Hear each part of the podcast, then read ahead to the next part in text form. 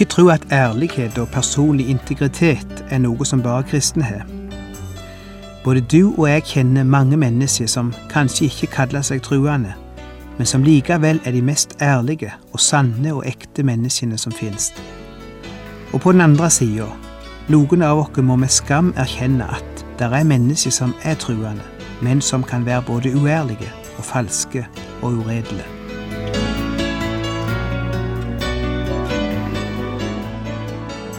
Hjertelig velkommen til et nytt program i serien Vindu mot livet. Vindu mot livet er basert på programserien Insight for Living ved Chuck Svindal. Programmet er produsert av Kristen Riksradio og blir ledet av Ola Bjoland.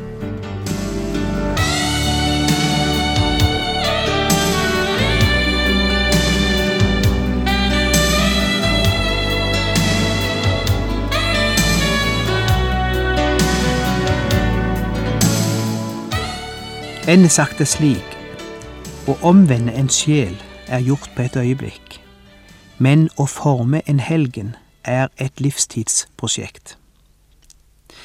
Å bli omvendt tar ikke lang tid.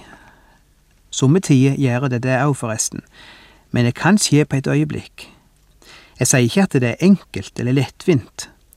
Jeg sier heller ikke at det ikke koster noe. Det koster Jesus livet.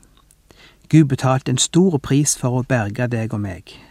Men sjølve berginga kan skje på et øyeblikk. Og når, og når vi samtidig tenker på at det egentlig ikke koster oss noe, for Gud er betalt prisen og gjort alt ferdig, da kan vi si at utsagnet har rett. Å omvende ei sjel er gjort på et øyeblikk. Men å forme en helgen er et livslangt prosjekt. Det vil si å forme en kristen, og utvikle han, og lære han, og modne han, slik at han verte det Gud hadde tenkt han skulle varte. Det tar et helt liv. Det går føre seg så lenge en lever. En av de mest frustrerende ting ved å vokse som kristen, er den vedvarende kampen imot synda, og særlig frustrasjon over synd og feil som gjentar seg, gjentar seg og gjentar seg. Det er ingenting jeg husker så godt ifra tida som kristen tenåring som de gjentatte fall og de stadig gjentatte nederlag. Nederlag overfor samme synd, om igjen og om igjen.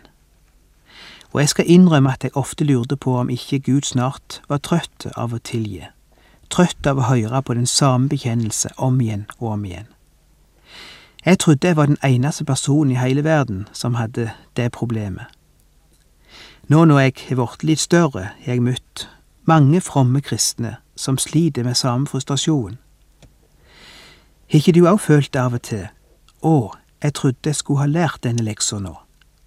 Jeg trodde jeg skulle vært ferdig med den svakheten nå. Jeg trodde jeg var kommet over det stadiet, men her ligger jeg altså igjen. Vi har fulgt Abraham på hans vandring med Gud i ganske mange program nå og Gud er i ferd med å forme han og modne han. Og fremdeles møter vi en Abraham som snubler og faller og feiler og svikter. Husk at det nå er 25 år siden Gud kalte Abraham. 25 år er gått siden han braut opp ifra Ur og begynte å vandre med Gud. 25 år er ganske lang tid i et samliv. Er det ikke da en feirer sølvbryllup? Abraham kunne feirt sølvbryllup med Gud på det tidspunktet vi møter han i dagens tekst, i kapittel 20 i første Mosebok. Et langt samliv med Gud, og en skulle tro at han etter hvert var såpass slipt i kantene og tilpassa Guds standard at han hadde lært seg det som var å lære i dette samlivet. Men etter alle disse årene med Gud, med modning og vekst, møter vi fremdeles en mann som snubler og detter i de samme syndene som han snubla i før. Ulydighet, vantru, uredelighet. Gud har gjentatte ganger tilgitt Abraham og reist han opp igjen, og gjentatt sitt løfte at han og Sara skal få en sønn sammen, og at Gud skal velsigne dem, og at han skal være med dem.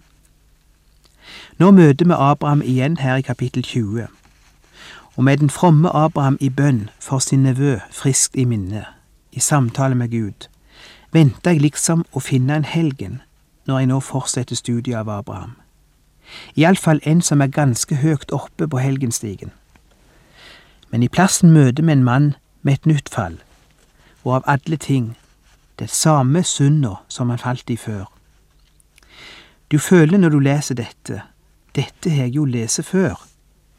Så likt er det en tidligere episode i Abrahams liv at enkelte forskere er overbevist om at det er den samme tingen som beskrives to ganger, eh, og at en bare har bytta ut et par stedsnavn og kongenavn. Men det tror jeg ikke er tilfellet. Jeg tror tvert om at Abraham her gjør om igjen den samme synda han har gjort før. Og jeg skal vise deg noe som kanskje vil sjokkere deg. Nøyaktig den samme synden ble gjort av hans egen sønn mange år seinere. Mest identisk er fallet. For jeg tror at den synda og den svakheten som ikke ble tatt opp og bearbeidet og overvunnet av en far, ofte fortsetter hos barna.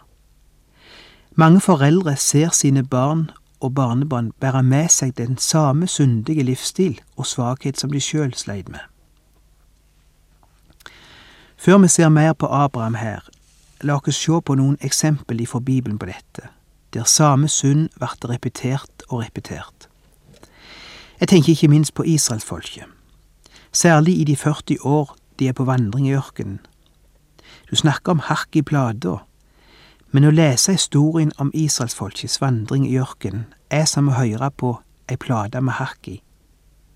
Om igjen og om igjen og om igjen hører vi hvordan de gikk seg trøtte, begynte å klage på Gud, og Gud steg ned og gikk i rette med de, og hjalp de opp igjen.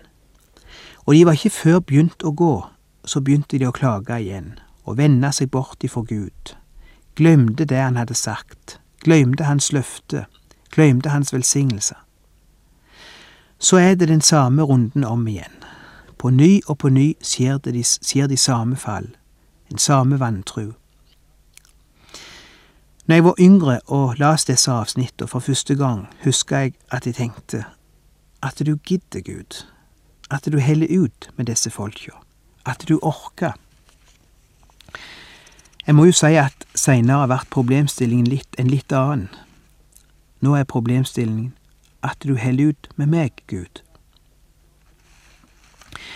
Ja, ja, jeg tenker òg på et annet eksempel. Samson. Han ble aldri ferdig med sin svakhet. Han klarte aldri å løse sitt problem, problemet med lyst. Vet du hva de første ordene som er nedskrevet, som kom ifra Samsons munn, er? Jeg så en filisterpike i Timna. Henne må dere la meg få, for jeg likte henne. De første ordene som noen gang ble nedskrevet av det Samson sa, hadde noe å gjøre med det andre kjønn og hans interesse for det, eller rettere sagt hans store svakhet for det. En svakhet som brakte han inn i så mange vanskelige situasjoner. Og han klarte aldri å løse det problemet. Det gjentok seg og gjentok seg. Eller kanskje noe som er litt mer kjent ifra Det nye testamentet, Markus 14. Jeg tenker på Peter. Nå står det ikke at han gjentok og gjentok sitt fall, men det var et tidspunkt da han lovte å aldri falle i den synda, og han falt. Og du og jeg har visst ikke så vanskelig for å identifisere oss med Peter her. La oss lese noen vers ifra denne kjente fortellingen, ifra vers 29 i Markus 14. Da sa Peter, om så alle vender seg fra deg, skal ikke jeg gjøre det. Jesus svarte, sannelig, jeg sier deg, i denne natt, før hanen galer to ganger, skal du fornekte meg tre ganger. Men Peter forsikret, om jeg så skal dø med deg, vil jeg ikke fornekte deg. Og så leser vi videre fra vers 66. Imens var Peter nede på gårdsplassen. En av tjenestepikene hos øverstepresten kom forbi, og da hun fikk se Peter som satt og varmet seg, stirret hun på ham og sa, Også du var med denne nasarean Jesus. Men han nektet. Jeg fatter og begriper ikke hva du snakker om, sa han og gikk ut i portrommet. Men piken fikk øye på ham og begynte igjen å si til dem som sto omkring, Han er en av dem. Men han nektet på ny. Kort etter sa også de som sto der, til Peter, Visst er du en av dem, du er jo galileer. Men han ga seg til å banne og sverge, Jeg kjenner ikke den mannen dere snakker om. I det samme gol hanen for annen gang. Da husket Peter det som Jesus hadde sagt til ham. Før hanen gala to ganger skal du fornekte meg tre ganger. Og han brast i gråt. Ja, hvem kjenner seg ikke litt igjen i disse tre eksemplene. Hvem kjenner seg ikke igjen i Israels situasjon, med klaging og syding og vantru. Og så får vi en ny åndelig opplevelse, eller vi får se hvordan Gud holder sitt ord, og vi tenker jeg skal aldri klage mer. Jeg skal aldri tvile mer. Men noen av oss opplever ikke mange dager med frustrasjon før vi er tilbake der vi var. Kanskje nettopp klaging den synda som oftest blir begått av kristne. Vi gjør det på nytt og på nytt og på nytt. Eller Samsons svakhet. Hvem av oss kan med frimodighet rette en dømmende fing mot Samson? Kanskje de og mi synd ikke er så dramatisk som Samson sine fall var, sånn ytre sett. Men hvem av oss har ikke måttet komme tilbake til Gud og si, nå kjem jeg igjen, Gud, med min skitne bekjennelse, med mine skitne tanker, samme historien om igjen, Gud. Eller fornektelse, slik Peter opplevde det, feighet, unnlatelse. Du hadde sjansen til å si noe, eller gjøre noe, men du var feig. La oss nå begynne å se hva som hendte med Abraham her i første Mosebok 20. Vi leser ifra vers 1.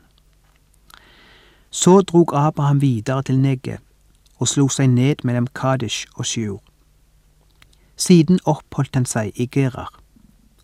Om sin kone Sara sa han, hun er min søster. Da sendte Abimelek, kongen i Gerar, folk av sted og hentet Sara. Dette er det vi kan kalle ei halvlyggen eller en halvsannhet. For i vers tolv ser vi at Sara virkelig var søster hans, eller rettere sagt halvsøster hans. De hadde samme far, men ikke samme mor. Men sjølve intensjonen i det han sa, var likevel ei løgn. For han unnlot å si det som var sjølve poenget i denne sammenhengen, nemlig at hun òg var hans kone. Hensikten med det han sa, var å lure kongen. Og da hjelper det ikke hvor sant det er rent formelt. Det er ikke noen stor kunst å bedra og lure folk med halvsannheter. Og det har Abraham gjort før, og han er bekjent det og fått tilgivelse for det. Og her gjør han sannelig den samme synda om igjen. Han gjør det for å beskytte seg sjøl. I disse landene i Midtøsten på den tida var det gjerne slik at når en konge fikk øye på ei vakker kvinne, og hun ikke var gift, så yngste han å rekruttere henne til sitt harem.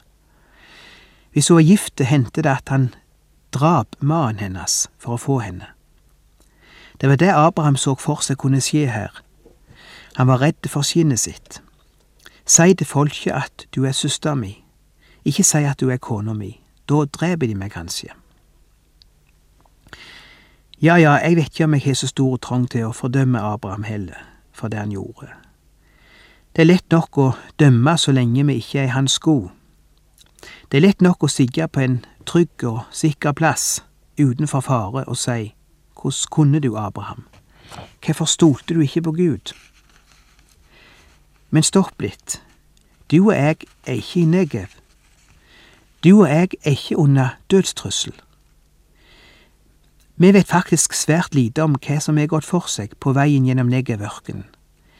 Hva som har fått han til å legge ut på denne reisa, for det første, og hva han er støtt på av farer og trusler underveis.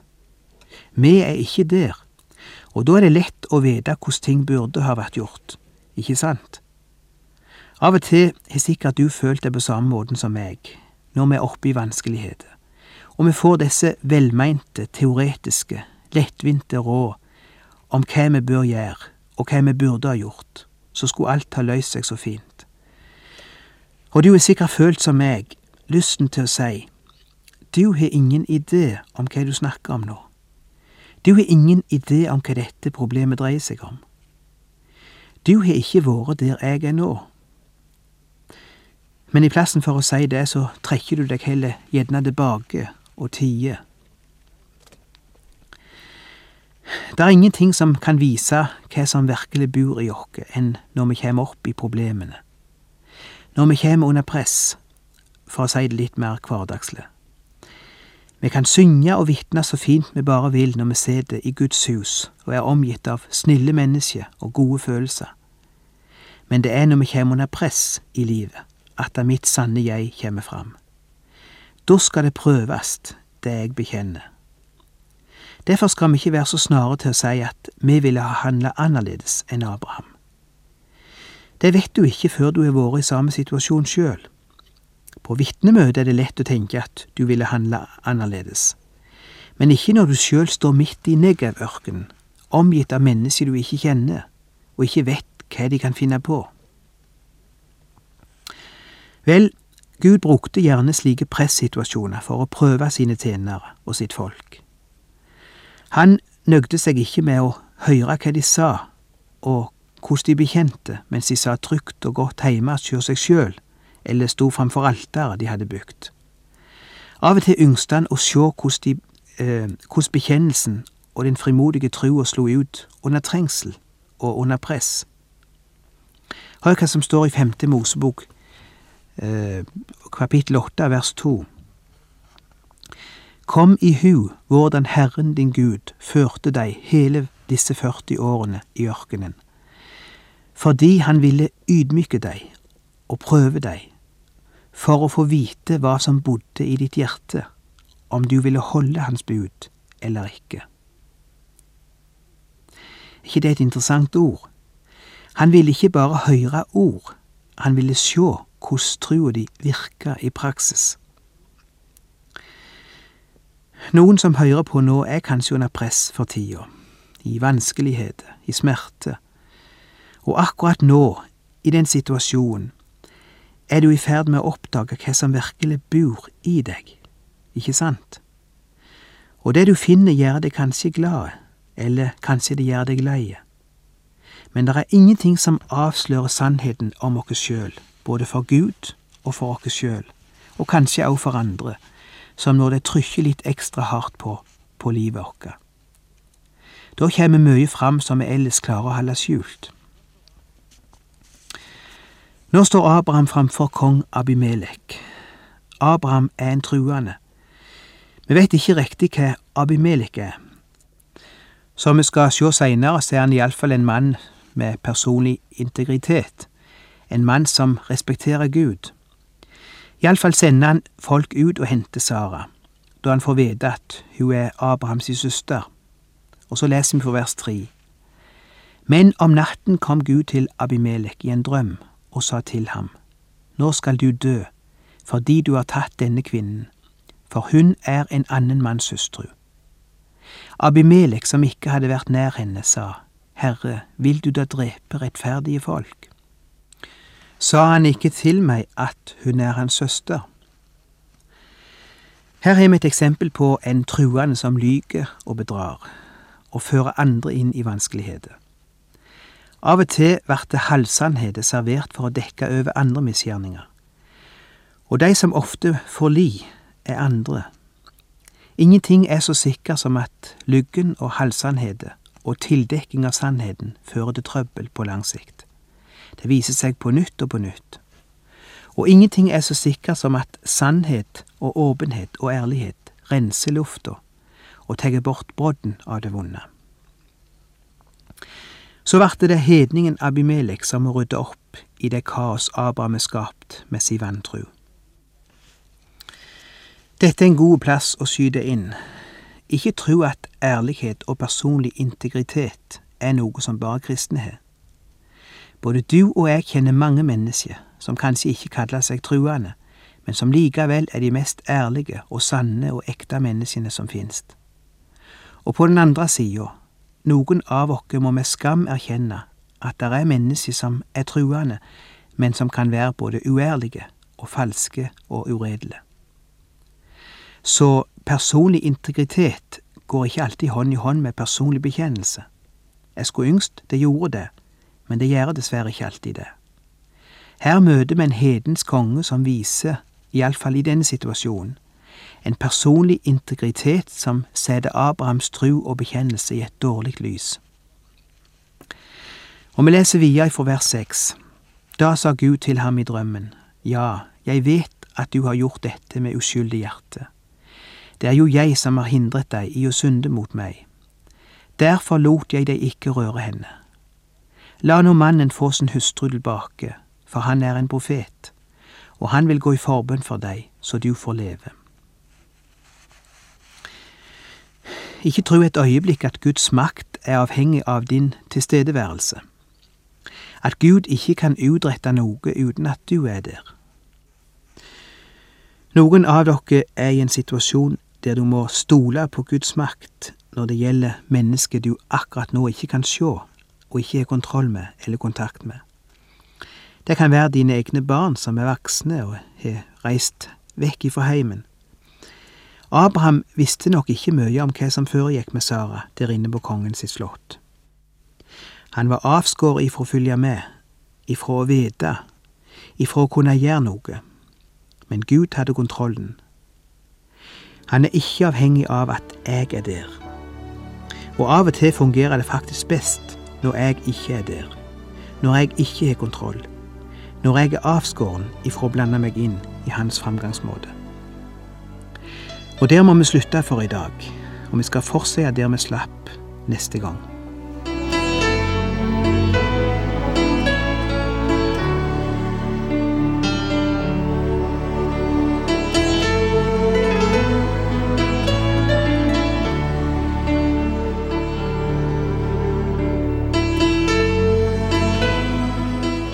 Du har lytta til Ola Bjuland i serien 'Vindu mot livet' fra Kristen Riksradios arkiv. Ola Bjoland var ansatt i Kristen Riksradio til han døde i 2002.